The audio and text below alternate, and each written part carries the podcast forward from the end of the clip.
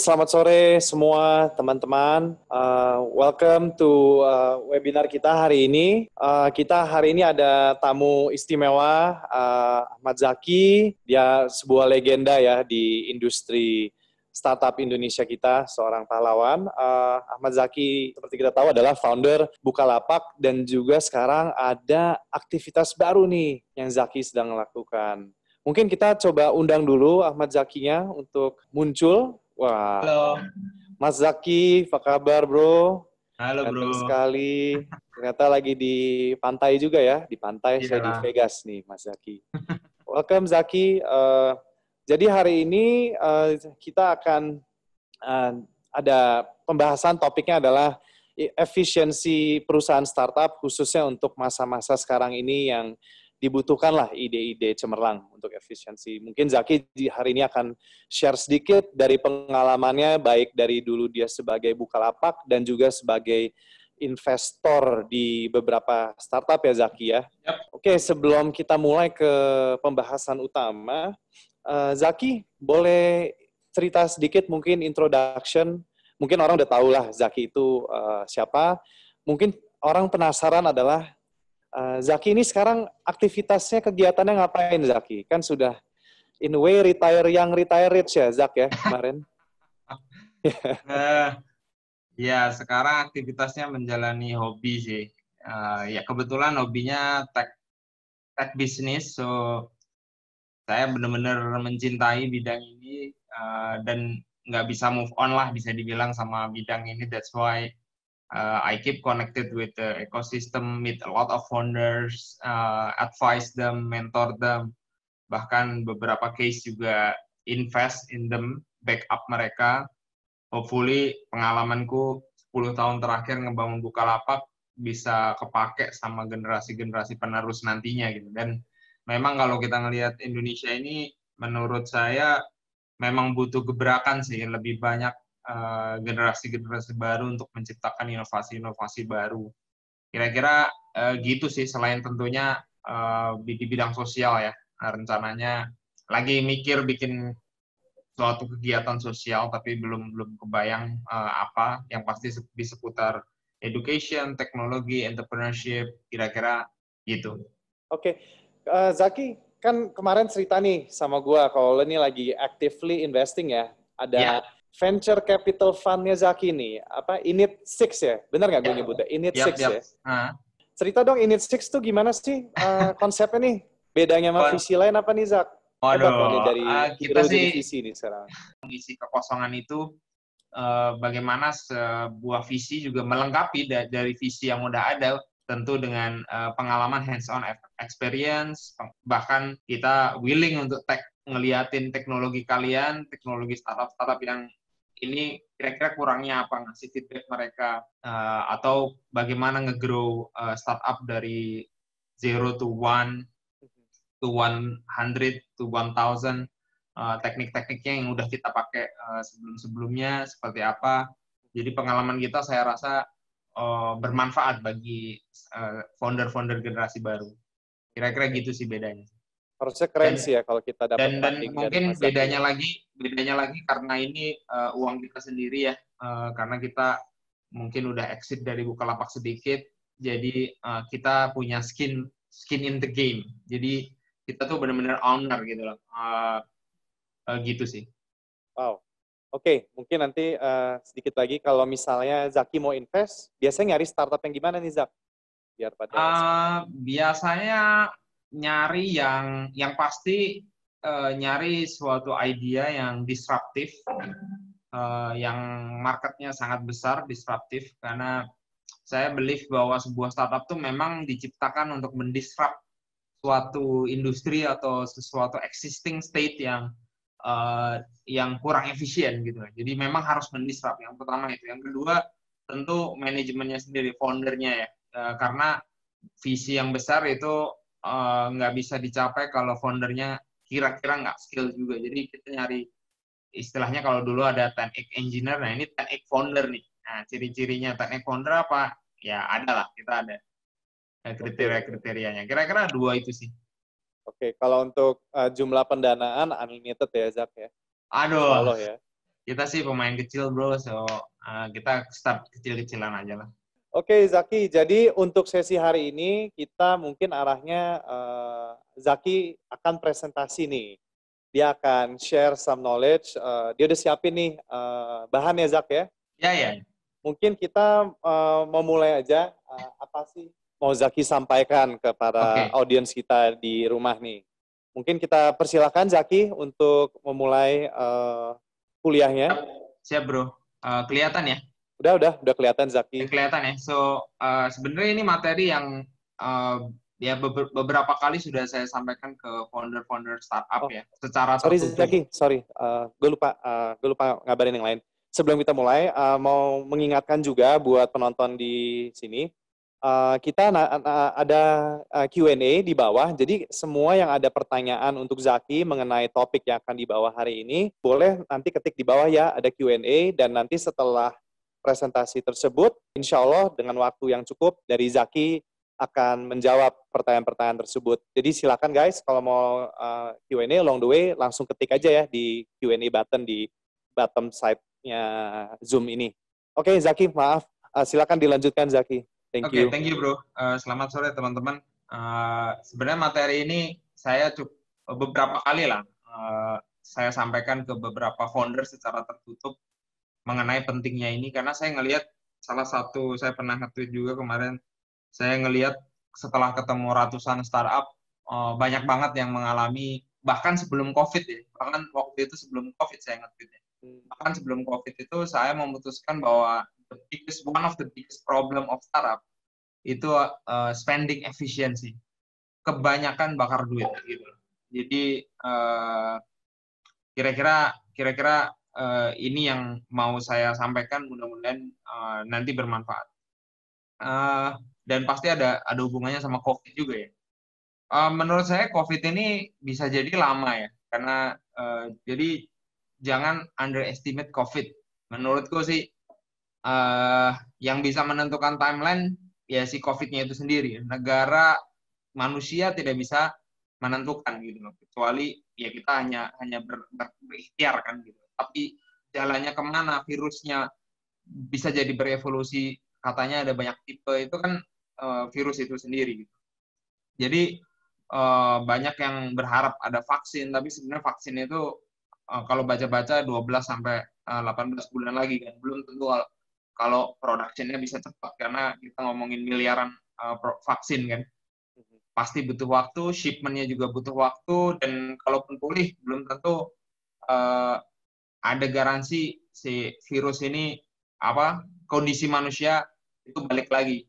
Uh, itu yang terjadi di Wuhan. Kemarin saya baca cerita berita di Wuhan udah nggak ada kasus, tapi orang nggak balik normal, orang tetap di rumah gitu. Orang masih jadi ada ada semacam delay sampai orang benar-benar percaya ini nggak ada case benar-benar nol. Padahal di Wuhan secara data udah nol. Tapi orang masih di rumah, nggak pergi ke restoran, nggak pergi ke mall. Nah ini something yang bikin nanti akan lebih lama lagi dan yang terakhir mungkin uh, kalau melihat grafik ini sebenarnya 99,9% penduduk dunia itu mungkin belum pernah dites.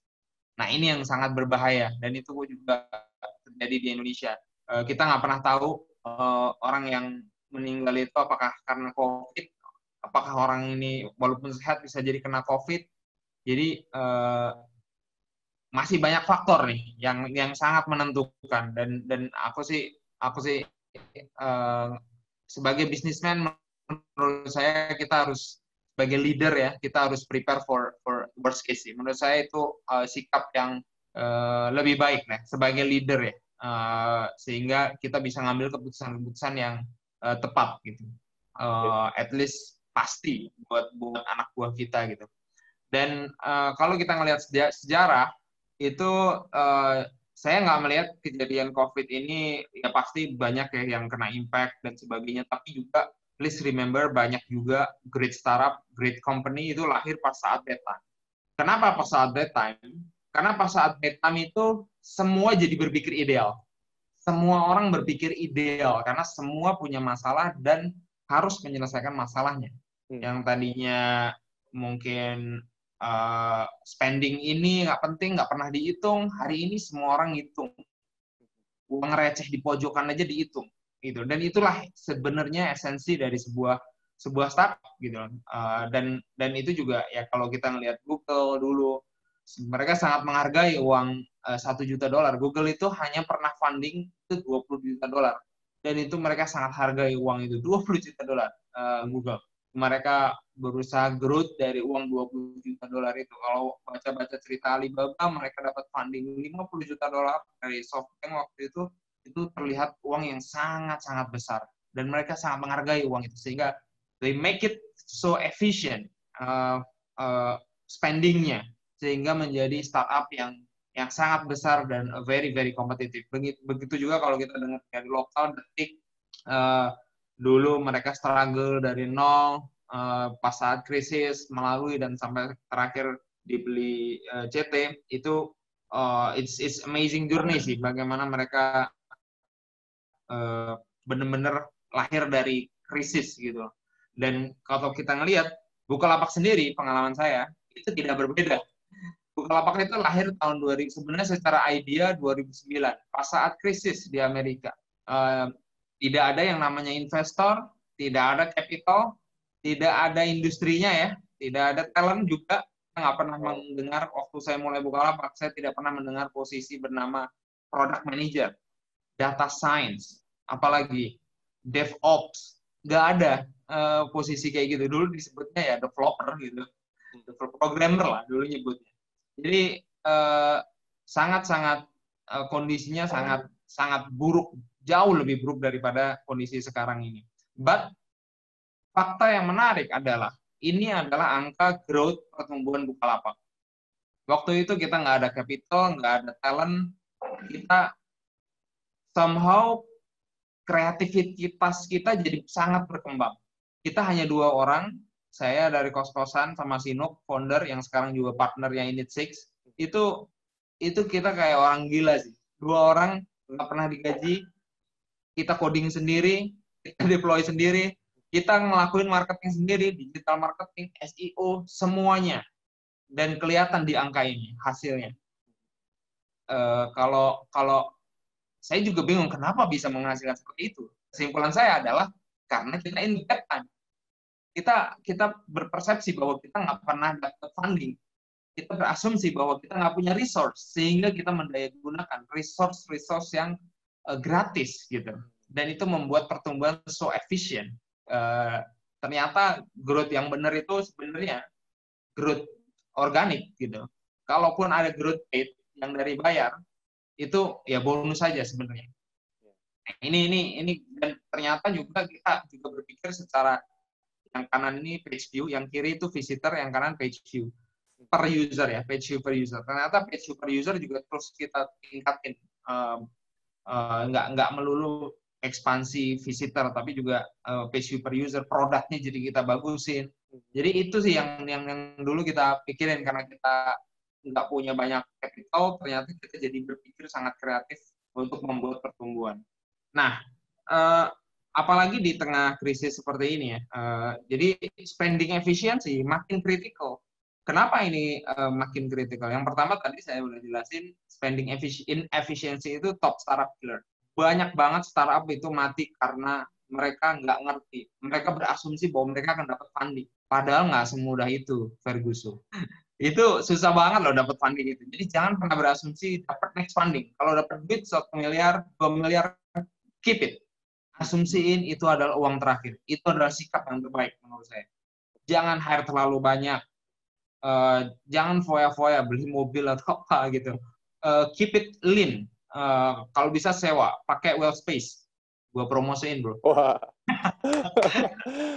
uh, jadi jadi jadi uh, gitu. Uh, yang yang kedua spending uh, efficiency in the time kayak sekarang ini dia save the company seringnya. Dan saya ngelihat banyak banget perusahaan save hanya karena dia uh, super efisien, ngirit. Nanti saya jelasin bagaimana efisiennya uh, in the good times spending efficiency ini create winning company dia lebih kompetitif uh, lebih ya saya ingat banget lah Bukalapak Bukalapak itu salah satu unicorn yang mungkin paling paling nggak ada duitnya lah bisa dibilang uh, waktu itu kompetitor saya punya uh, dua 200 juta dolar waktu dulu ya 200 juta dolar itu angka yang sangat kecil Bukalapak cuma punya uang 1-2 miliar mungkin. Seribu kali lipat. Bagaimana mau compete sama pemain yang punya resource segede itu? Ya nggak ada jalan lain. Eh, kita kita nyari cara-cara kreatif gitu. SEO, iklan yang pakai CEO-nya sendiri nggak dibayar itu iklan murah banget waktu itu dan sempat booming. Itu cara-cara kreatif kita. Yang lo pakai color itu ya? Ya, itu 150 juta biasanya. Bi biayanya di saat kompetitor mungkin habis 5 miliar untuk bikin iklan. Jadi eh, cara-cara kreatif itu harus digunakan oleh sebuah startup bahkan in a good times itu bagus untuk uh, create a winning company dan tentu investor yang keempat investor sebenarnya investor tuh mencari ROI. Investor itu um, menginvest di perusahaan yang ROI-nya bagus. Selama kalian spending efisiensinya bagus, nanti saya jelasin sekali lagi ini belum uh, gimana cara menghitung uh, efisiensi suatu perusahaan dan gimana mengachieve-nya. Nanti saya jelasin. Yang kelima, uh, spending efisiensi juga mengcreate uh, startup yang memiliki kedisiplinan dan juga uh, culture yang sangat strong. Uh, dan biasanya karyawan-karyawannya bagus-bagus mentalnya ya.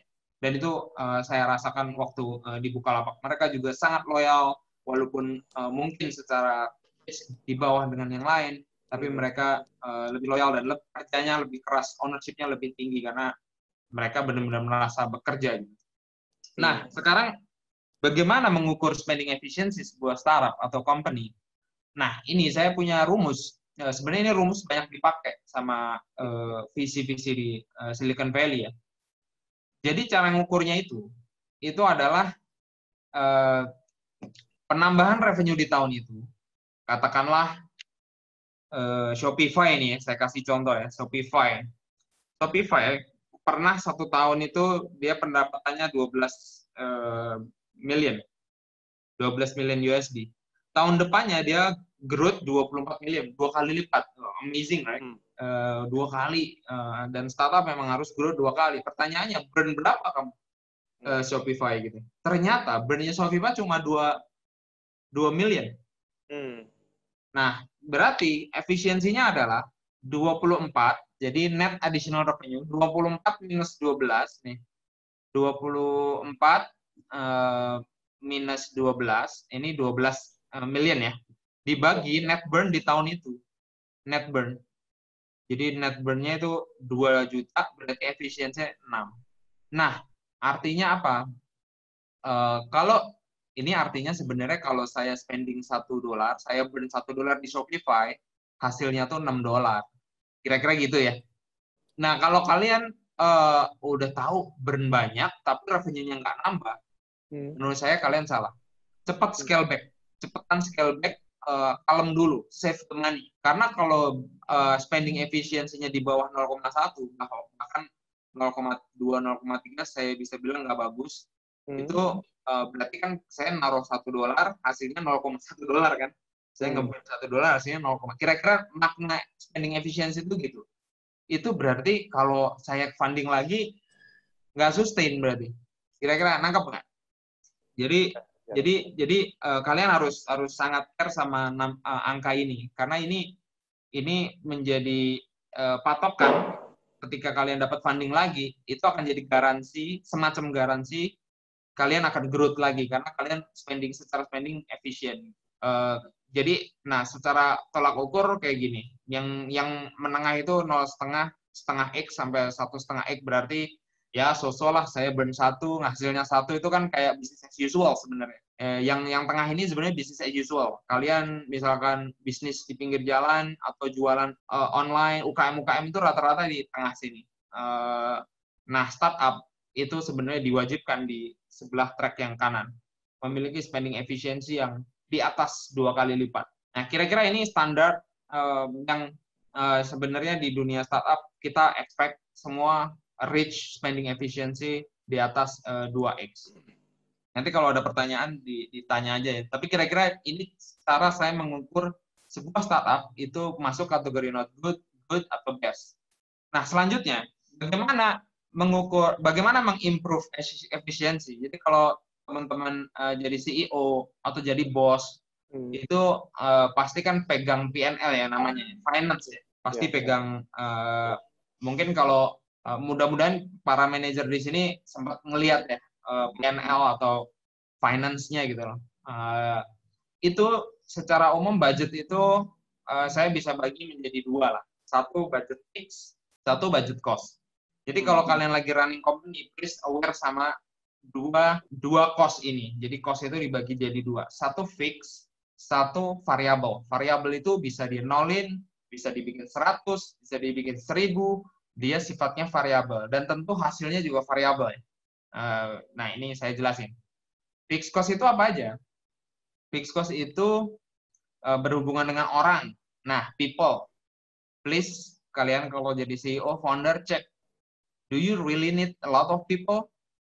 Banyak orang bangga banget, wah karyawannya uh, banyak gitu. It, menjadikan itu suatu indikator. Tapi hati-hati itu juga jadi indikator ketidakefisienan bisa jadi ya hmm, hmm, hmm. harus harus dilihat lagi gitu seberapa uh, jangan-jangan antara 100 orang sama 50 orang hasilnya sama jangan-jangan ya kalian harus hmm. make sure aware bahwa uh, itu udah super pack gitu gitu yang kedua building mungkin move to cheaper one uh, move ke co-working space mungkin terus kemudian tech infra, infrastruktur, saya juga sering menemukan banyak startup yang apa ya menggunakan teknologi-teknologi yang menurut saya cukup advance sehingga hmm. biayanya membengkak. Padahal untuk awal-awal itu mungkin pakai digital ocean, pakai uh, teknologi-teknologi yang sederhana dan murah, uh, VPS gitu, uh, itu sangat-sangat murah sih daripada menggunakan teknologi-teknologi yang mahal gitu. Dan complicated. Harus sebenarnya dengan cara simple itu bisa di, di bisa running lah. Apalagi startup masih early gitu. Hmm. dulu saya masih ingat Bukalapak itu uh, awal-awal ya. Kita itu pakai VPS VPS itu kira-kira 300 ribu sebulan. Jadi satu tahun awal itu baru kita punya satu server. Itu pun saya masih ingat harga servernya itu 12 juta ya kita punya pendapatan akhirnya tuh beli server 12 juta dan itu skill untuk puluhan ribu uh, user seharinya. Uh, ya itu cara kita untuk make it so efficient gitu. Tech sama infranya, softwarenya bikin sendiri, hmm. bukan bukan uh, outsource atau diproduksi sama orang lain. Jadinya ya hampir nggak ada cost untuk tech infra ini. People kita sendiri, kita yang coding sendiri, kita yang doing marketing, uh, someday nggak digaji. Jadi uh, hampir nggak ada cost basically lapak satu tahun. So uh, fixed cost ya ini ya. Nah sekarang kita ke variable cost. Variable cost ini apa aja? Itu ada marketing, ada sales. Uh, ya kalau kalian spending ke Google Ads atau Facebook Ads atau TV itu namanya variable cost. Atau punya sales team biasanya uh, mau sales teamnya 5, 10, 100 bisa dimelar-melarin dan biasanya mereka uh, kita bisa pakai vendor dengan sistem yang uh, outsourcing gitu.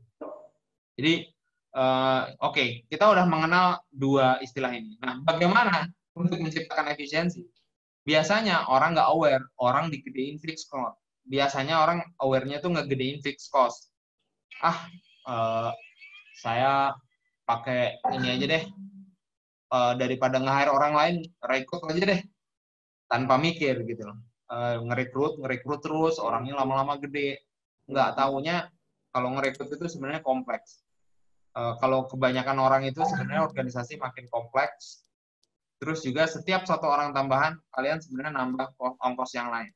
Entah tempat entah nanti kalau sakit insuransinya macam-macam jadi costnya tuh bisa macam-macam jadi tips yang best practice yang saya temukan adalah lower the fixed cost fixed cost ini lower selower mungkin, spek mungkin uh, fixed cost ini. Baru on variable cost, kalian eksperimen. Fokus on growth. Sehingga ketika kalian dapat investasi, katakanlah satu miliar, hmm.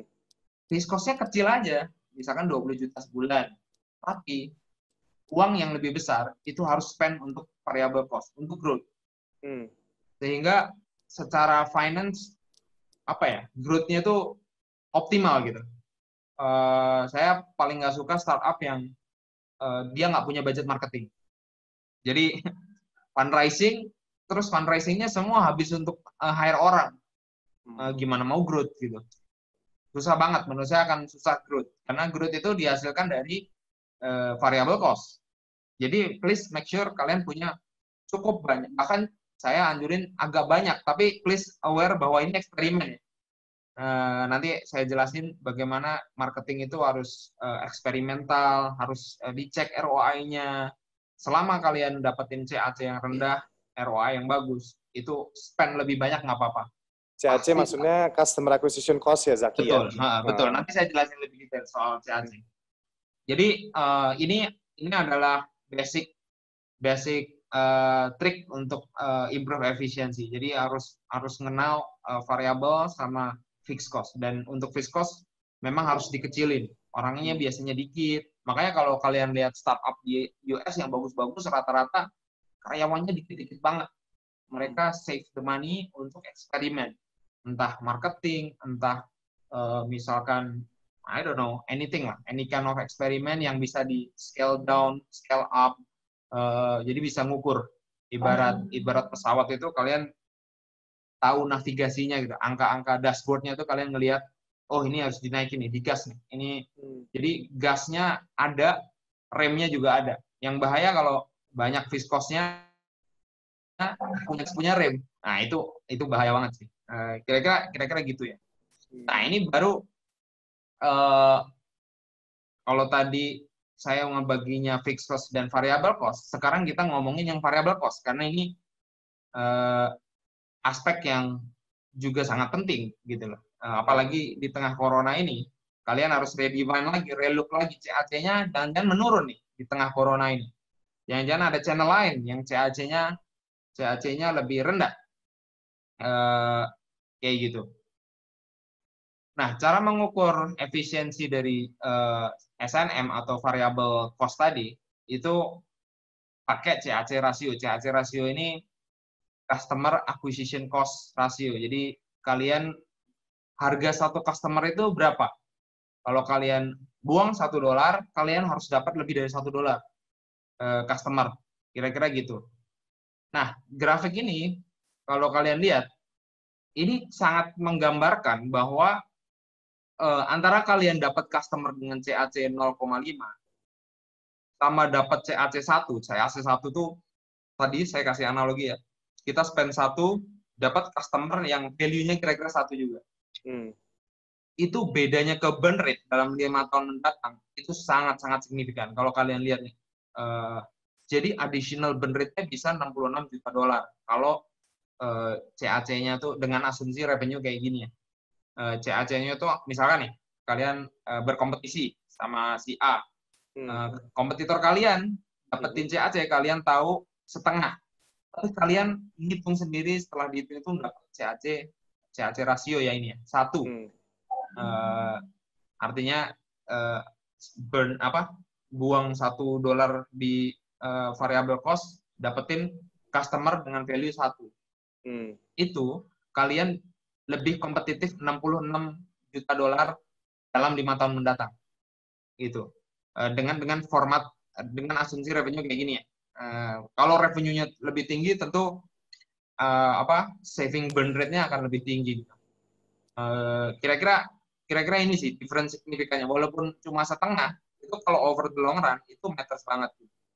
Nah, ini untuk menggambarkan pentingnya pentingnya CAC itu company sustainability. Okay. Nah ini contoh kalau cara ngitung CAC itu ya additional revenue mirip tadi, tapi uh, ini dibagi sama SNM cost doang, dibagi sama balik lagi ke variable cost ini. Ini yang saya sebut eksperimen.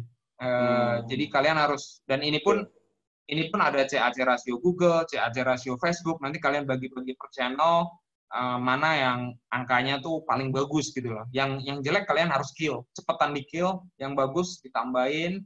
Kadang kalau kalian tambahin budget, kalian gas, kadang-kadang CAC-nya CAC rasionya kadang turun uh, lebih jelek lah, uh, lebih jelek. Nah, kalian hmm, oh optimalnya segini nih untuk Google nih. Kalian harus cari channel yang lain.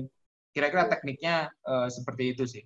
Hmm. Dan kalau di bawah seperempat itu yaitu means empat tahun baliknya dan itu bad sih. Rata-rata yang bagus di atas satu.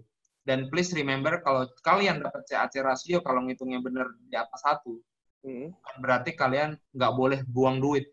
Justru kalian harus cari investor, cari duit sebanyak-banyaknya, spend hmm. sebanyak-banyaknya. Even itu di saat krisis. Tapi tolong dihitung dulu CAC okay. rasionya tuh di atas satu. Jadi kalian kalau burn satu dolar hmm. itu uh, dapat. Saya masih ingat Bukalapak itu kalau nggak salah CAC-nya bagus banget uh, karena kita banyak channel organik ya. Uh, that's why investor love us. Terus kita pakai aja buat uh, burn. Itulah kenapa konsep burn uh, unicorn itu hmm. harus dilihat secara uh, secara lebih dalam gitu loh. Hmm. Apakah CAC mereka berapa CAC mereka? Karena kalau CAC mereka di atas satu, make sense banget burn uang karena mereka growth luar biasa. Oke. Okay. Itu uh, itu menjelaskan jadi tidak bisa melihat burn capital burn itu one by one. Kalau CAC-nya ternyata mereka rendah ya mereka boncos. Kira-kira yeah. uh, gitu sih. Nah, ini ini untuk uh, uh, mengim apa ya? mengimprove CAC rasio. Biasanya uh, most of great company atau startup yang CAC rasionya bagus, mereka punya a lot of organic growth uh, channel Nah, salah satu beberapa yang saya detect itu ada yang pakai social media. Contoh yang saya invest kemarin Eduka, itu kenapa saya invest di dia, saya senang banget. Karena mereka zero marketingnya, bro.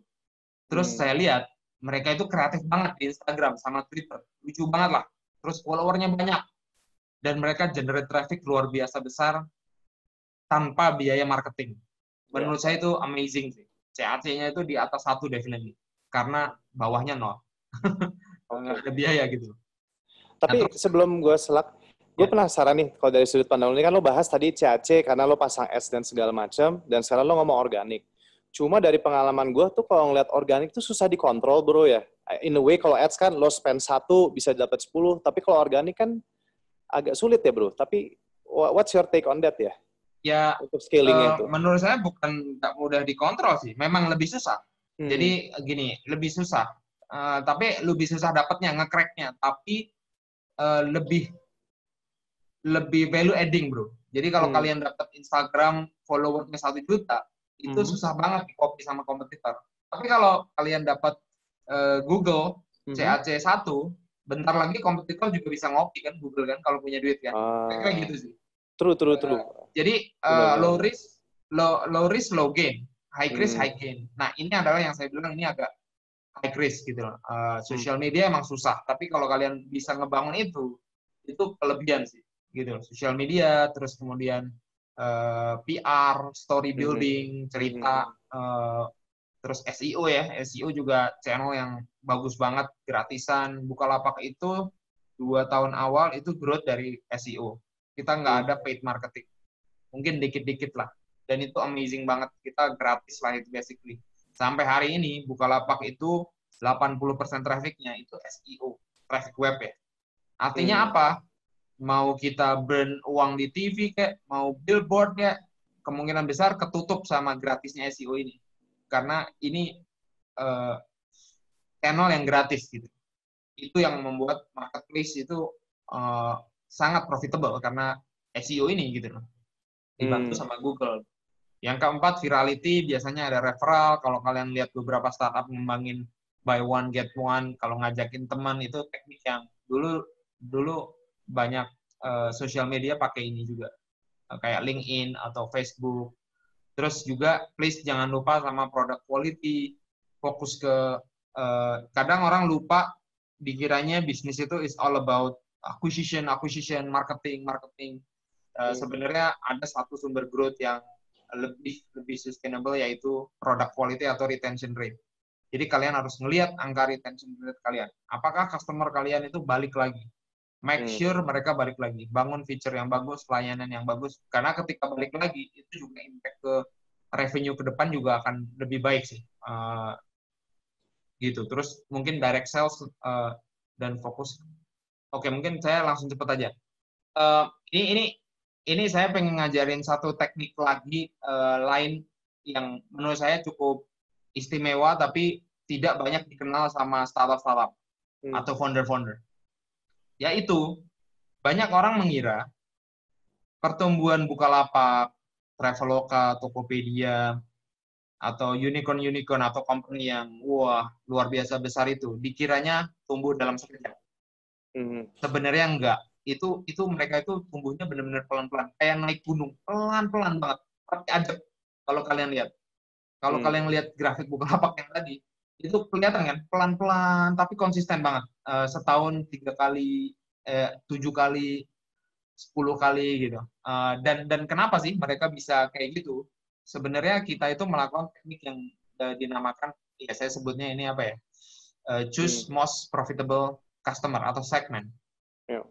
Bukalapak tidak langsung menjadi generic platform. Bukalapak itu dulu sepeda.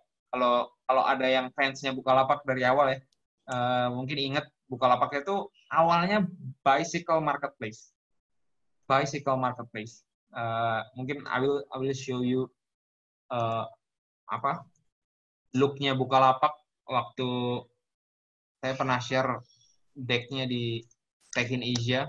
Mm-hmm. Looknya awal Bukalapak ya, isinya halaman depannya itu itu sepeda semua kalau kalian lihat.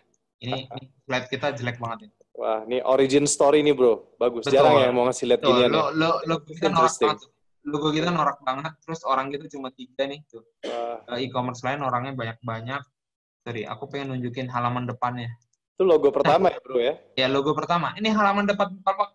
Jadi kalau kalian melihat satu tahun Bukalapak awal, kalian buka halaman depan Bukalapak. Ini lihat. Hmm. Kalau kalian cewek, otomatis akan turn off sama Bukalapak. Karena ini barang cowok semua. Dan cowoknya segmented ke orang sepeda gitu. Sama kamera lah. Waktu hmm. itu kamera kita juga growing. Ini kalian, ini barang populernya tuh sepeda, uh, beli frame lah, terus uh, shifter frame uh, hmm. for kita itu bicycle marketplace terbesar di Indonesia. Ini dua hmm. orang top seller ini, dua-duanya jualan sepeda. Hmm. Nah, poin saya apa? Semua startup itu berkembang pelan-pelan. Mereka hmm. beriringan growth urut dari most profitable customer. Dalam hal ini kalau Bukalapak most profitable customer-nya hmm. itu adalah orang sepeda. Nah, kenapa kenapa Bukalapak bisa dapat sepeda? Menurut saya itu agak untung-untungan. Jadi eh, dalam dunia ini kalau saya nembak 10, yang kita kenain tembakan itu mungkin sesuatu objek yang kita nggak expect. Hmm. Sama, Bukalapak nggak expect dapat sepeda. Kita expectnya itu dulu dapat semuanya, tapi ternyata dikasihnya sama Tuhan yang sepeda. Hmm. Nah, dari situ kita nyadar, ini sepeda ini most profitable customer. Kita hitung, hmm. mereka balik lagi, Uh, ciri-cirinya most profitable customer apa? Hmm. Cirinya itu dia balik lagi, uh, dia belanja terus, terus balik lagi, dan dari situ kita fokus ke sepeda doang. Waktu itu benar-benar kampanyenya saya targetin ke sepeda, saya uh, apa buang apa stiker kan murah kan marketingnya kita yeah. kita lempar-lempar stiker ke event-event sepeda. Dan tau nggak pas kita datang ke sana nggak hanya nggak bukan kita yang effort untuk nempelin. Mereka ambil stiker saya. Hmm. dan mereka yang nempel sendiri. Dan mereka bilang wah saya sering banget belanja di Bukalapak saya bangga banget sama Bukalapak saya kaget gila ya hmm. se, se sticky ini gitu nah itulah the power of segmented customer atau profitable customer kalian harus tahu uh, the most profitable customer kalian itu siapa uh, atau the most sticky customer gitu Nah, itu kalau kalian nemu itu dan fokus ke situ, mereka akan super loyal. Nanti impact-nya ke sini. Biasanya kalau nggak fokus, nggak nemu, uh, itu CAC-nya akan ini ini bukan CAC rasio tadi ya. Saya takut hmm. saya sorry ini agak rancu. Ini adalah CAC biaya customer hmm. acquisition cost. Kalau tadi CAC rasio. Uh, hmm. beda ya. Uh, kebalik sebenarnya secara ini. Uh, hmm. tapi ya kira-kira kira-kira CAC-nya lebih mahal gitu ya. Kalau nggak fokus itu, misalkan nih Bukalapak kalau dulu saya nembakin cewek-cewek yang jualan baju nih, hmm. pasti nggak masuk. Mau hmm. namanya aja, mungkin juga namanya kali ya. Kalau Tapi kalau batu, batu akik gimana bro? Dulu pernah cerita sama gue tuh. Sama. Jadi gini, nanti saya ceritain itu. Jadi itu tuh, nah baru kalau kalian udah mengkonvert satu segmen, kalian boleh move on ke yang lain. Nah waktu itu kita move ke kamera, terus ke hmm. Batu Akik, hmm. ke uh, otomotif, wow, ke batu akik, gadget. Man. Jadi pergerakannya epic, epic. gitu. Makanya kalau ditanya Bukalapak tuh nggak pernah bisa attack kategori fashion karena susah lah, bukan nggak bisa. Tapi kalau kalian lihat so, uh, kompetitor lebih lebih lebih kuat di fashion karena hmm. Bukalapak lahir dari yaitu segmen yang sangat strong male male hmm. dominated kategori barang-barang hobi lah uh, otomotif lah motor uh, gitu gitulah nah saya, pengen jelasin efek dari kalian fokus atau uh, nembak ke segmen yang profitable adalah ini kalau hmm. nggak fokus bayangin bukalapak dulu ya balik lagi ke satu tahun awal saya nembak uh, nembak digital marketingnya saya tembak uh, fashion misalnya pasti hmm. CAC-nya mahal. Hmm. Udah mahal, mereka pas datang ke website kita, oh, isinya sepeda semua. Pasti mereka turn off kan. Nah, itu menjadikan LTV-nya tuh rendah. Nah, ini saya hmm. asumsiin katakanlah 5. Nah, LTV dibagi CAC-nya, ini ini balik lagi ke rasio. Sebenarnya ini mirip-mirip rasio CAC tadi. Mm-hmm. Itu dapatnya satu. Ya, ya, Bayangin ya. kalau kalian fokus, ketika saya nembak kata dia ngebagi stiker ke komunitas sepeda bahkan saya nggak bagiin mereka yang minta mereka ngerebut dan akan dibagi ke teman-temannya effort saya lebih rendah CAC-nya lebih rendah terus di digital marketing iklan-iklan saya lebih diklik karena orang inget eh, Bukalapak tuh sepeda kalau nyari sepeda di situ gitu sehingga CAC-nya rendah udah lagi pas datang websitenya melihat hmm. mereka ngelihat Bukalapak tuh kayak surga Kenapa? Karena itu barang-barang yang mereka cari selama ini. Gitu Karena segmen hmm. itu. LTV-nya jadi tinggi. Mereka lebih hmm. loyal. Makanya tadi page view-nya naik terus. Sehingga LTV dibagi CAC-nya rasionya itu 10. Gila, hmm. perbandingannya perbandingannya bisa super signifikan uh, antara yang nggak fokus sama uh, fokus. So ini ini teknik yang saya selalu ajarkan dalam uh, untuk founder-founder yang uh, please find your uh, niche gitu loh. Harus hmm. berasal dari niche dulu baru nanti berkembang ke yang lain gitu. Sama long tail ya. Saya lihat banyak banget kayak uh, ada ada fintech yang menurut saya bagus banget dia fokus ke satu segmen ini. Dan hmm. itu sangat healthy juga. CAC rendah, LTV tinggi, jadinya profitable dan uh, investor pastinya juga suka. Baru nanti ekspansi ke segmen-segmen yang lain. Itu pun harus hati-hati apakah CAC-nya rendah, tinggi. Kira-kira kayak gitu sih. To, so to summarize, uh, mungkin ini tips generik nge-review yang tadi semua. Ya kita tahu COVID ini uh, menurutku akan lebih panjang dari yang mungkin di ini di publik. So better to prepare for the worst dan yang lebih yang paling penting yang pertama preserve cash. Kalau kalian nggak punya cash, raise as much as money.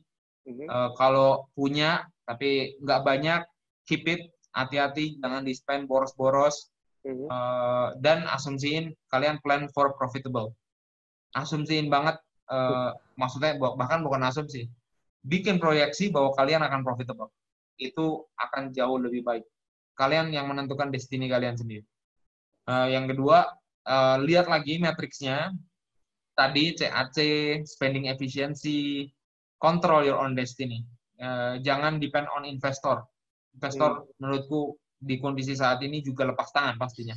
Mereka mending rugi daripada uh, daripada nyelamatin kalian gitu. Uh, karena mereka juga report ke investor yang lain uh, yang yeah, lebih true. ini gitu. Jadi uh, find your choose control your own destiny uh, lewat hmm. metrik-metrik sini dan yang ketiga act mungkin uh, itu keputusan yang berat. Saya hmm. pernah ngelakuin ini. Uh, saya fire 400 orang saya pernah ngerasa apakah saya CEO yang buruk gitu. Uh, itu jauh sebelum COVID ya gitu. But I decided, uh, I think this is the best for the company dan uh, ini bukan salah mereka. Um, ya akhirnya kita eksekusi juga termasuk kalau mau nego apa nego sama leasing, kredit, uh, uh, mungkin ya nego hard sama mereka kadang kan kita susah ya tapi dengan kondisi seperti ini pastinya akan mudah-mudahan dibantu sama mereka juga gitu. Terus juga watch the competition, market, explore possibility, siapa tahu ter terutama kalau kalian punya cash, uh, siapa tahu juga bisa beli buy cheap asset, uh, hmm. perusahaan yang bangkrut bisa kalian beli acquired dengan harga murah itu juga salah satu uh, opportunity juga. Jadi di balik uh, masalah pasti ada opportunity juga.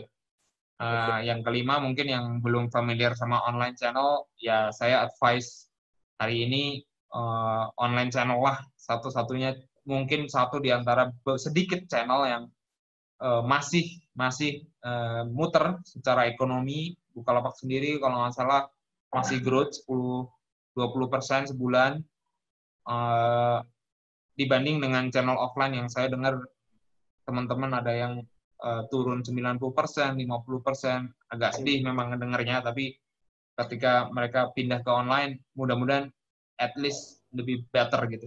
Uh, pakai Zoom, pakai e-commerce store, sehingga uh, ekonominya bisa lebih muter. Dan mungkin tambahan ini terakhir, ini lebih ke taktik. Kalau tadi mungkin agak strategik, ini lebih level tactical. Kalau uh, di saat seperti ini bagus juga mengembangkan karyawan dengan tipe lebih banyak komisi daripada fixed salary. Saya ngerti hmm. uh, belakangan salary di dunia startup itu increase gila-gilaan karena uh, ya funding yang luar biasa. But this is new normal. Yeah. No more no more high salary lagi. Mungkin uh, high commission, ESOP mungkin masih ada, saya sangat propose untuk uh, startup-startup saya untuk ngembangin komisi ESOP dan less fixed salary. Terus uh, kalau perlu no office, no travel for the next one year, no travel policy karena ini akan save banyak banget. 20% hmm. fixed cost itu kayaknya office, jadi bisa dicoba. Oke. Okay. Uh, yang ketiga, uh, kalau ada payment klien minta long term payment commitment dan kasih diskon karena cash sangat penting. Uh, minta minta minta uh, long term di depan.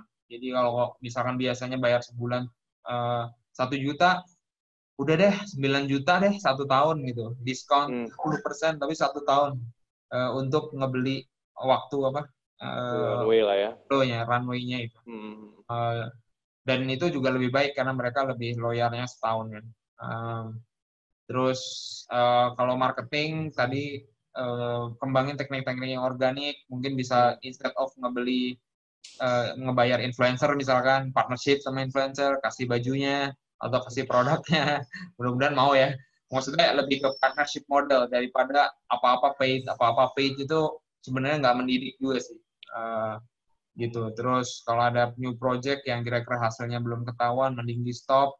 Uh, terus kalau ada service, kalau kalian pakai misalkan duitnya cekak, hmm. selama ini pakai Google Suite uh, eh, 5 dolar, uh, ada startup saya yang pakai Zoho, itu satu dolar, ngirit 80 persen. Apalagi kalau karyawannya banyak, itu ngirit banget. Saya bisa bilang Zoho, nggak ada bedanya sebenarnya, cuma beda space saja, email ya terus cloud uh, yang tadinya mungkin pakai Google Cloud, Amazon, mungkin bisa cari uh, local cloud, ID Cloud House atau pakai hmm. Digital Ocean itu murah-murah banget sih. Sebenarnya banyak alternatif service yang lebih murah dan kualitasnya mungkin di bawah sedikit kayak uh, tentu nggak bohong lah murah tapi di saat kondisi begini uh, mungkin bisa dicoba.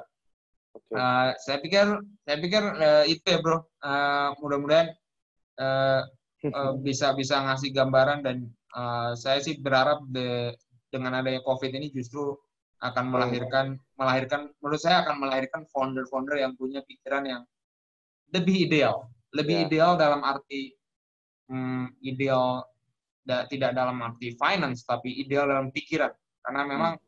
startup itu seorang founder startup memang harus menghasilkan suatu bisnis yang lebih efisien daripada existing business. Gitu okay. esensinya ya startup nih. Karena kamu mau mendisrupt sebuah industri atau uh, status quo gimana gimana mau mendisrupt kalau tidak lebih baik secara finansial gitu. Hmm. Kalau tidak efisien secara finansial.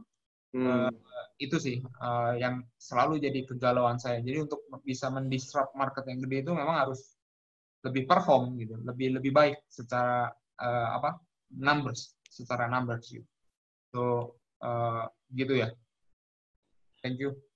Oke, okay, Zaki, thank you atas presentasinya. Uh, mungkin habis ini kita bakal ada sedikit uh, some Lama questions ya. from me. Lama bro, tapi nggak apa-apa. Lo kan tadi udah ngomong, lo mau sampai uh, terawih ya tadi ya kalau nggak salah. boleh, boleh. Sorry, sorry. Oke, Saya jadi-.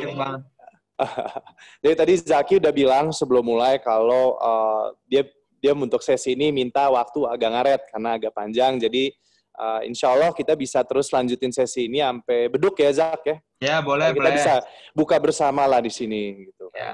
Uh, uh. Uh, nah, ini sebelum gua mulai ke berikutnya, mungkin Zaki mau ada istirahat suaranya dari tadi la- jalan terus tuh 40 menit. Uh, sebelumnya mungkin kita mau ada sedikit sharing dulu ya, Zak. Uh, Ya. Kebetulan uh, Well Shared ini kan kita nih programnya gratis sebenarnya. Kita nggak pernah nge-charge orang dan sebagainya. Dan FYI untuk penonton yang ikut, sekarang ini kita ada 500, uh, tadi 563 penonton. Jadi dari Well Spaces sendiri kita memang berkomitmen untuk setiap penonton yang datang hadir ke webinar kita itu kita akan donasikan Rp2.000 per penonton. Jadi dari Well Spaces sendiri untuk sesi ini udah uh, ada sekitar 1,2 juta lah kurang lebih kita akan donasikan untuk uh, We Care. Uh, but other than that, uh, kita juga suka menerima sih dari donasi-donasi Eventbrite. Thank you juga untuk yang udah donasi. Uh, jadi kalian yang yang ingin mensupport kita sekarang lagi fundraising untuk mengumpulkan dana uh, APD. Penyediaan APD ini sifatnya gratis kita bagikan ke rumah sakit. Sampai hari ini kita sudah produksi hampir 200 uh, pakaian APD dari uh, masker sampai bawah lengkap. Itu udah mulai kita distribusikan uh, hampir 200 per minggu ini. Jadi kita masih akan terus racing. Jadi kalau kalian mau donasi, please feel free to go to bit.ly uh, strip well corona fund. Uh, insya Allah um, APD-APD ini bisa dapat membantu uh, apa namanya medical frontliner kita yang di garis depan dalam perang COVID ini untuk bisa lebih cepat memenangkan uh, perang tersebut. Uh, but other than that, mungkin mau cerita dikit uh, tentang webinar kita. Uh, webinar kita ini um, kita jalankan dua minggu, eh dua kali seminggu. Uh, minggu ini Zaki, thank you Zaki, dan kemarin ada uh, bahas healthcare. Nah untuk minggu depan kita juga ada uh, CEO Travelio, uh, CEO Lemonilo, dan juga ada beberapa sesi yang nanti akan kita rilis lagi. Uh, tapi untuk tahu uh, event-event apa ada kita ke depannya, mohon follow Instagram kita wellspaces.co. Di situlah kita akan announce ada siapa lagi untuk uh, sampai bulan Juni dan ke depannya. Uh, jangan lupa juga uh, kita juga berterima kasih nih media partner kita ada uh, Kumparan, Tech in Asia, Daily Social yang sudah membantu meramaikan. And juga guys, uh, we always want to improve kita punya webinar dari sisi uh, produksi, konten dan juga speaker. Jadi kalau kalian punya saran, topik dan juga feedback uh, bisa langsung ke bit.ly slash well shared uh, feedback juga. Banyak sih link dari tadi, but I really appreciate your feedback karena uh, our intention di sini juga kita positif mau, mau spread positivity to everyone and all the speakers kita keren-keren mereka datang sini tanpa iming-iming honor dan sebagainya they came here willingly to spread uh, knowledge to everyone here lah gitu sekarang kita kembali lagi ke uh, ke Zaki udah seger Zak suara udah enak udah sehat ya suara seger Alhamdulillah. Ya, ya. Alhamdulillah. Oke Zak, jadi mungkin dari gua dulu ada beberapa pertanyaan yang agak relate sama uh, tadi. Jadi guys, uh, sebelum kita ini, um, actually apa yang Zaki tadi share itu tuh it's very important to any company, not just startup, but every company that needs to grow in terms of marketing spending.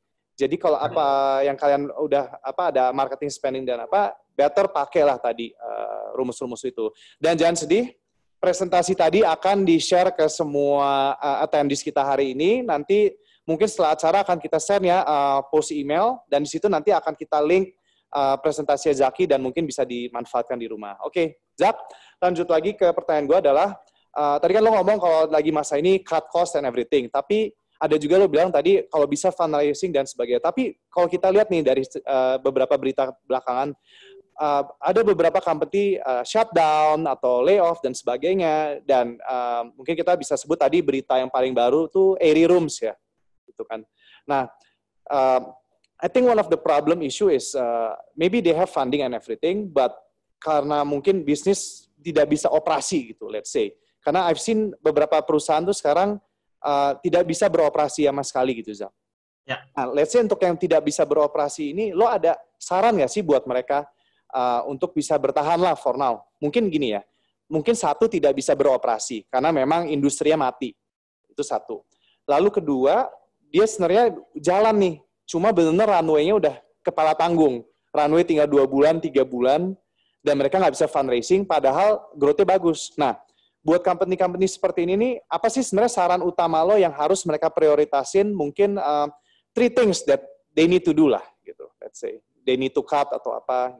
Kalau saya masih sama sih, yang yang terakhir tadi menurut saya hmm. uh, relate banget ya. Yang pertama preserve cash, preserve cash. Jadi hmm. kalau kalau udah tahu nggak ada operasi, hmm. terus uh, misalkan masih ada runway dua bulan, ya mungkin mau nggak mau uh, berhenti dulu. Mau nggak mau ya? Ya ngobrol sama karyawannya bisa nggak kita negotiate karena terbuka kondisi uh, apa share kondisi keuangan saya cuma punya dua bulan lagi. -hmm. uh, apakah mungkin uh, kita nggak kerja semua? -hmm. uh, kalian kerja di tempat lain dulu. Nanti kalau tapi nggak digaji ya. Uh, -hmm. Terus nanti kalau everything normal lagi kita beroperasi lagi. Nah itu itu juga. Tapi kan cashnya masih tadi masih ada runway dua bulan. Mm -hmm. uh, jadi yang yang yang penting sih perusahaan nggak tutup sih. Sebenarnya itu reserve cash itu poinnya itu. Bagaimana uh, berusaha dan saya memahami apa yang dilakukan Airbnb pasti pasti untuk itu tujuannya ya. Jadi yang yang pertama uh, dan yang kayaknya the only one ya itu deh. Gimana caranya supaya cash tapi make sure juga komunikasinya baik uh, terbuka sama karena di saat seperti ini memang nggak ada decision yang benar sih. Adanya yeah. decision yang lebih benar.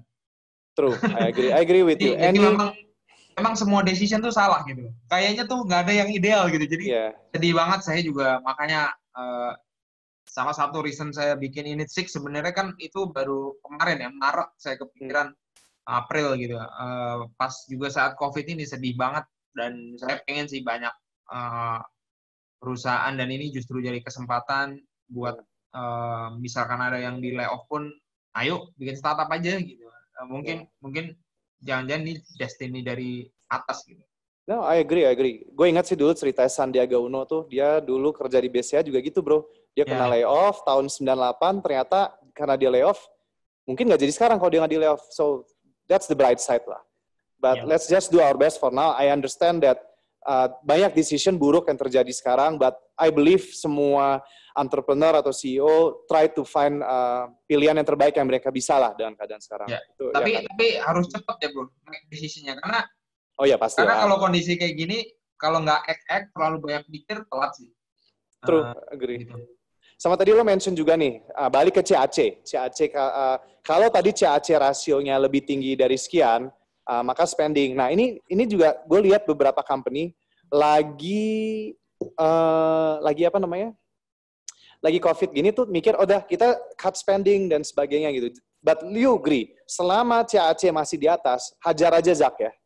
Itu yang selama yang, CAC masih di atas dan masih ada cash. Dan masih ada cash. Ya, Betul. Itu ya. Jadi kalau lo cashnya cashnya tinggal satu bulan, tinggal enam bulan, ya jangan dihajar lah. Oke, okay, oke. Okay, racing okay. dulu, racing dulu, banyakin cash dulu sampai misalkan dua tahun, tiga hmm. tahun hmm. runway-nya baru dikejar. Saya yakin okay. kalau bisa ngejelasin ke investor CAC-nya itu bagus dan kalau yeah, CAC yeah. bagus biasanya investor juga pasti akan ngecek uh, ke bawah, oh hmm. customer-nya suka, biasanya suka sama produknya, biasanya yeah, invest. Yeah. No, I agree. Kayak kemarin ada beberapa company juga gitu, akhirnya dapat funding karena mereka bisa show CAC mereka bagus kan. Ujungnya yes, if you yes. can show that, yeah. I think there's a chance that people still gonna give you money anyway. Gitu. Yes, yes. Uh, terus mungkin ini juga tadi balik lagi mengenai, uh, gue kaget sih ternyata lo pertama tuh ngincer uh, sepeda gitu. Dan mungkin di banyak gue lihat uh, company tuh masih bingung untuk what to target first gitu kan. Karena mereka ngeliatnya satu, tapi pasarnya nggak gede, gue mau yang gede gitu. Makanya orang mau gede hajar apa tadi baju gitu misalnya kan. Hmm. But you agree that kalau lo mau ngincer baju, itu gede tapi I don't think it's worth the CAC to sell TV ya misalnya. Nah, saran lo apa sih buat penonton di rumah kalau mereka harus decide which uh, customer they have to go first, especially during this time.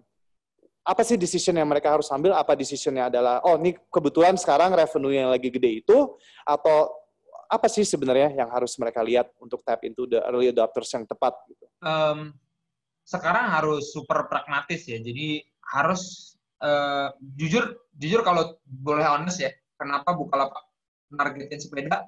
Mungkin Hmm. nggak sengaja sih. Nggak sengaja bro, beneran. Jadi waktu itu, waktu Accident itu king, ya? somehow, somehow saya ngetek orang-orang sepeda di Facebook, terus di di Kaskus, banyak banget lah orang-orang sepeda ini somehow saya ngetek dan waktu itu booming sepeda bro pas Hmm. banget momennya. Jadi saya somehow aktivitas yang saya lakukan itu sangat match sama momentum saat itu, sehingga waktu itu eh, semuanya berjalan sangat cepat untuk untuk sepeda ya. Nah, Hmm.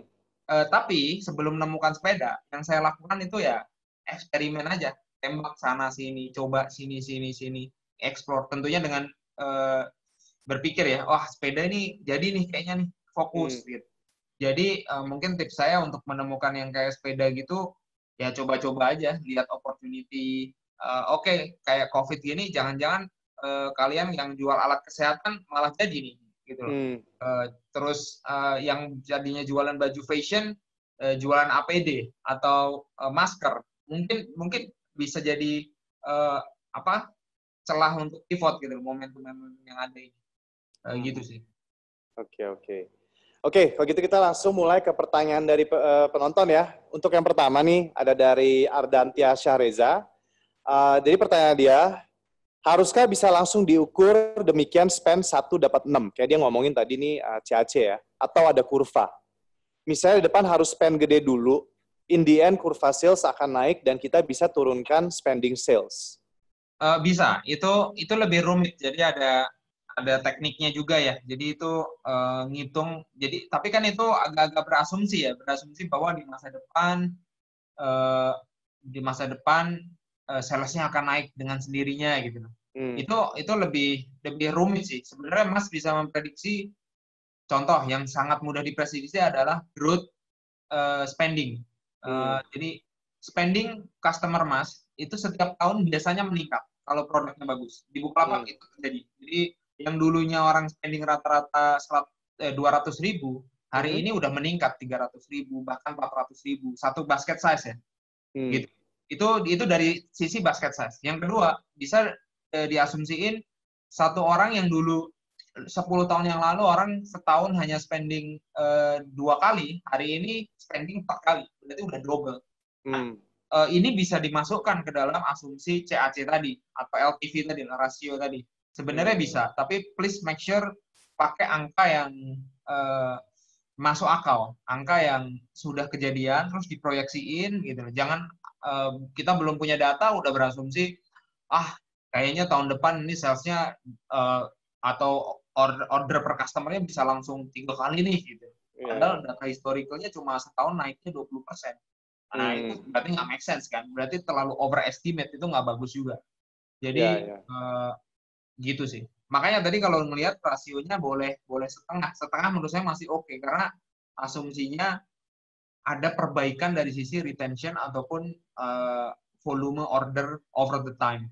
Gitu. Hmm. Oke, oke untuk berikutnya ini dari eh, kayak Mbak Mbak Nuri kali ya, Nuri Mardiawan. Eh, Mas Zaki, kalau misalkan efisiensi tidak tercapai di bulan keberapa, kami harus cek secara keseluruhan. Apakah ketika dibandingkan dengan bulan lalu dan hasil lebih rendah, harus langsung cek overall atau bagaimana? Thanks, Mas. Jadi checking itu nggak ada rumusnya tiap waktu apa ya? Tiap waktu ya. Kalau Hmm. maksudnya tiap satu tahun dicek nggak kayak gitu. Tiap hari kalau bisa dicek. tiap hari itu aware gitu loh. Eh, tiap hari itu aware oh kalau eh, penjualan gue segini wah ini nggak efisien nih gitu loh. Jadi act-nya bisa cepat gitu. loh. Jangan sampai eh, nanti ngeceknya setahun ke depan kita udah burn duit banyak banget baru tahu efisiensinya tuh di ujung setahun lagi gitu loh. Nah, itu eh, itu juga umum terjadi di startup. Mereka udah ngeburn kan misalkan raise fund eh, 200k gitu ya. eh, 3 Hmm. miliar gitu. Ternyata setelah duit habis 3 miliar baru tahu dia itu nggak efektif spendingnya. Nah, itu Hmm. useless lah. Investor udah pasti nggak mau. Ya Hmm. kecuali kamu tutup bikin startup baru. Jadi eh, sayang kalau tahu. Jadi harus memang harus ngecek ngeceknya tuh itu dijadiin habit gitu, ngecek eh, mingguan, harian gitu. Oke. Nah, ini ada pertanyaan menarik juga. Ini kebetulan dari orang yang sama nih. dua kali terjawab nih pertanyaan. Bagaimana kalau jenis fixed cost yang bisa diaset di kemudian hari? Contoh dari orang. Memang saat awal menjadi beban operasional, tapi di suatu hari mereka bisa bantu kita untuk growth lebih jauh. Bagaimana cara mengukurnya? Yang simpelnya gitu ya, Zak ya. Nah, ini ini juga susah sih. Karena gini, segala sesuatu yang sulit diukur, jangan dijadikan patokan. Menurut saya ya. Oke. Okay. Uh, kayak kayak COVID nih, kan susah diukur. Kamu nggak bisa nih. True, true. Juni nanti membaik deh. Baca berita, okay. Juni membaik. Belum tentu loh. Uh, gimana kalau asumsi itu salah? Jadi kayak orang itu pengalaman saya sih sulit ya. Uh, oh nanti uh, ya satu-satunya ya menjaga orang ini sedikit mm-hmm. berkualitas. Mereka hari ini memberikan impact yang lebih baik. Itu adalah satu-satunya memprediksi masa depan bahwa nih orang di masa depan kemungkinan even more better daripada kondisi sekarang.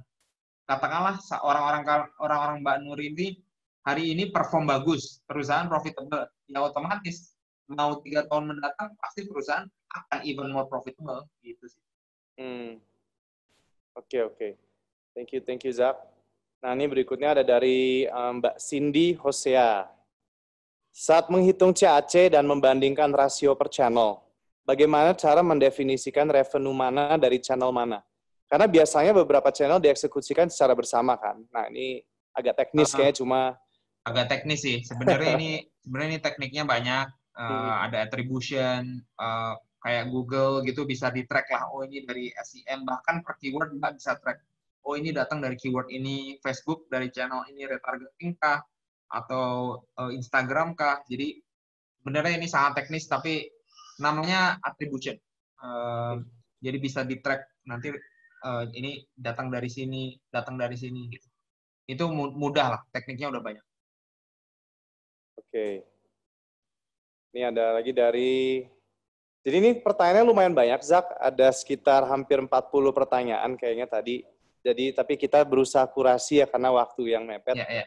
Jadi mohon maaf yang yang belum terjawab, tapi ya kita coba ya sampai beduk.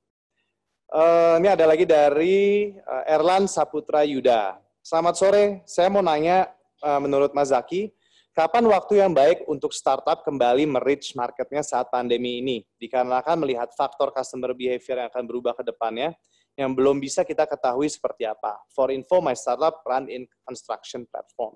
Ya mungkin tadi karena new normal, kayak semua udah berubah strategi kali ya, Zak ya? Iya sih.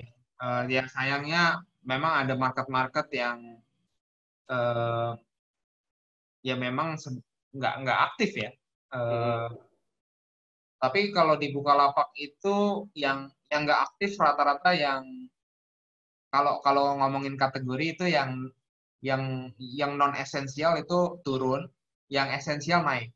Kesehatan, makanan pokok, makanan buat buka puasa itu naik banget, naik banget gitu. Nah, kalau daerah setahu saya Jakarta turun, daerah lain naik uh, untuk untuk ini. Jadi mungkin itu bisa jadi benchmark Mas untuk mungkin Mas bisa ekspansi ke daerah di luar Jawa yang kayaknya di luar eh sorry di luar Jakarta daerahnya masih aktif kayaknya ya. Ya ya. ya. harus dicek. Oke. Okay. Oke. Okay. Thank you thank you Zak. Lalu berikutnya uh, startup ini dari anonymous ya, tapi ya anyway startup identik dengan simple dan efisien. Selain permasalahan yang tadi diceritakan, pernah nggak kerugian uh, kerugian juga disebabkan oleh fraud karena di kondisi sekarang ada perusahaan besar justru kena juga dengan permasalahan fraud internal kontrolnya gimana ya nah ini harus bangun sistem yang bagus ya. Bukalapak dulu juga beberapa ada fraud internal sih. Dan kita kita terus perbaiki sistem supaya uh, poinnya adalah kalau kata bang Napi apa dulu?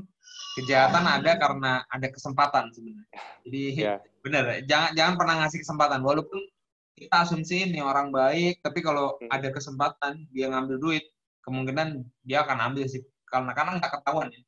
Jadi uh, bangun sistem yang strong yang robust hmm. sistem checking bangun internal audit kalau ada kalau ada ini ya resource ya kalau kalau kalian masih kecil kalau bisa keuangannya kalian pegang langsung sih menurutku itu approvalnya terus rajin melakukan tiap hari melakukan konsolidasi oh duit masuk, duit keluar sama itu hmm. uh, jadiin habit uh, seorang CEO atau founder untuk awal ya. Oke oke oke.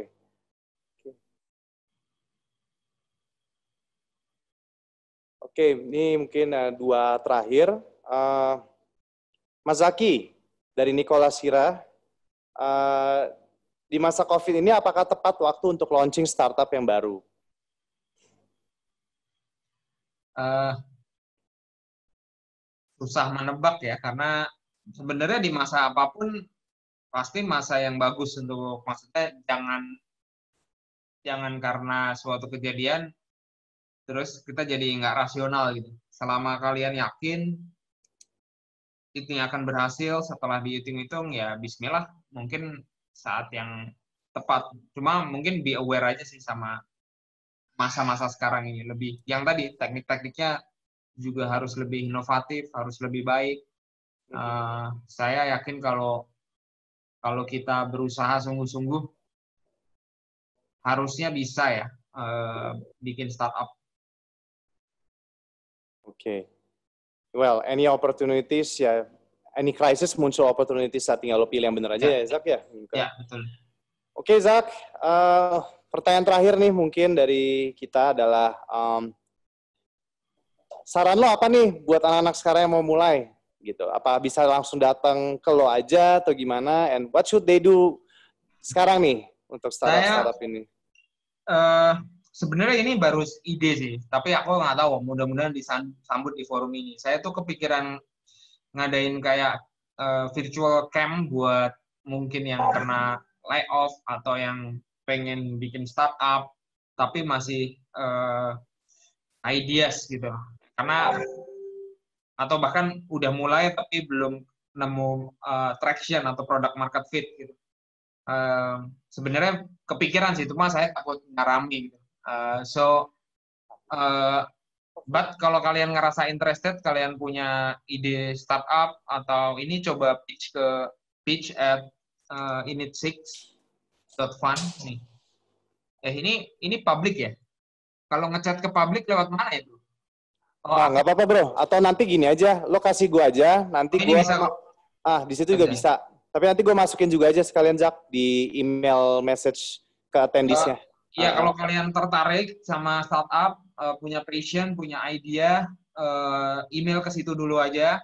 Nanti aku ukur kalau pesertanya banyak, kita mungkin adain kayak gini lagi, tapi lebih dua arah, lebih.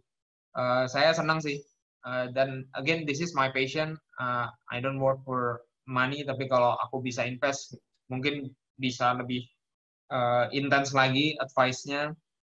Jadi uh, gitu. Oke. Okay. Oke, okay, kalau gitu uh, Zaki, thank you banget ya udah ngasih waktunya buat kita semua di sini.